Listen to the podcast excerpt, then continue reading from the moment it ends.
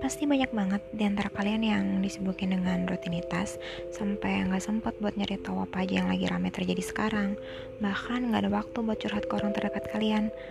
Uh, di sini gue bakal nemenin kalian dengan nge-share berbagai perjulitan, nge-review musik, film, membuka sesi curhat, sesi cerita horor, dan tentu aja sesi dunia percintaan. Semoga kalian enjoy dengerin gue dan tetap stay tune di podcast ini.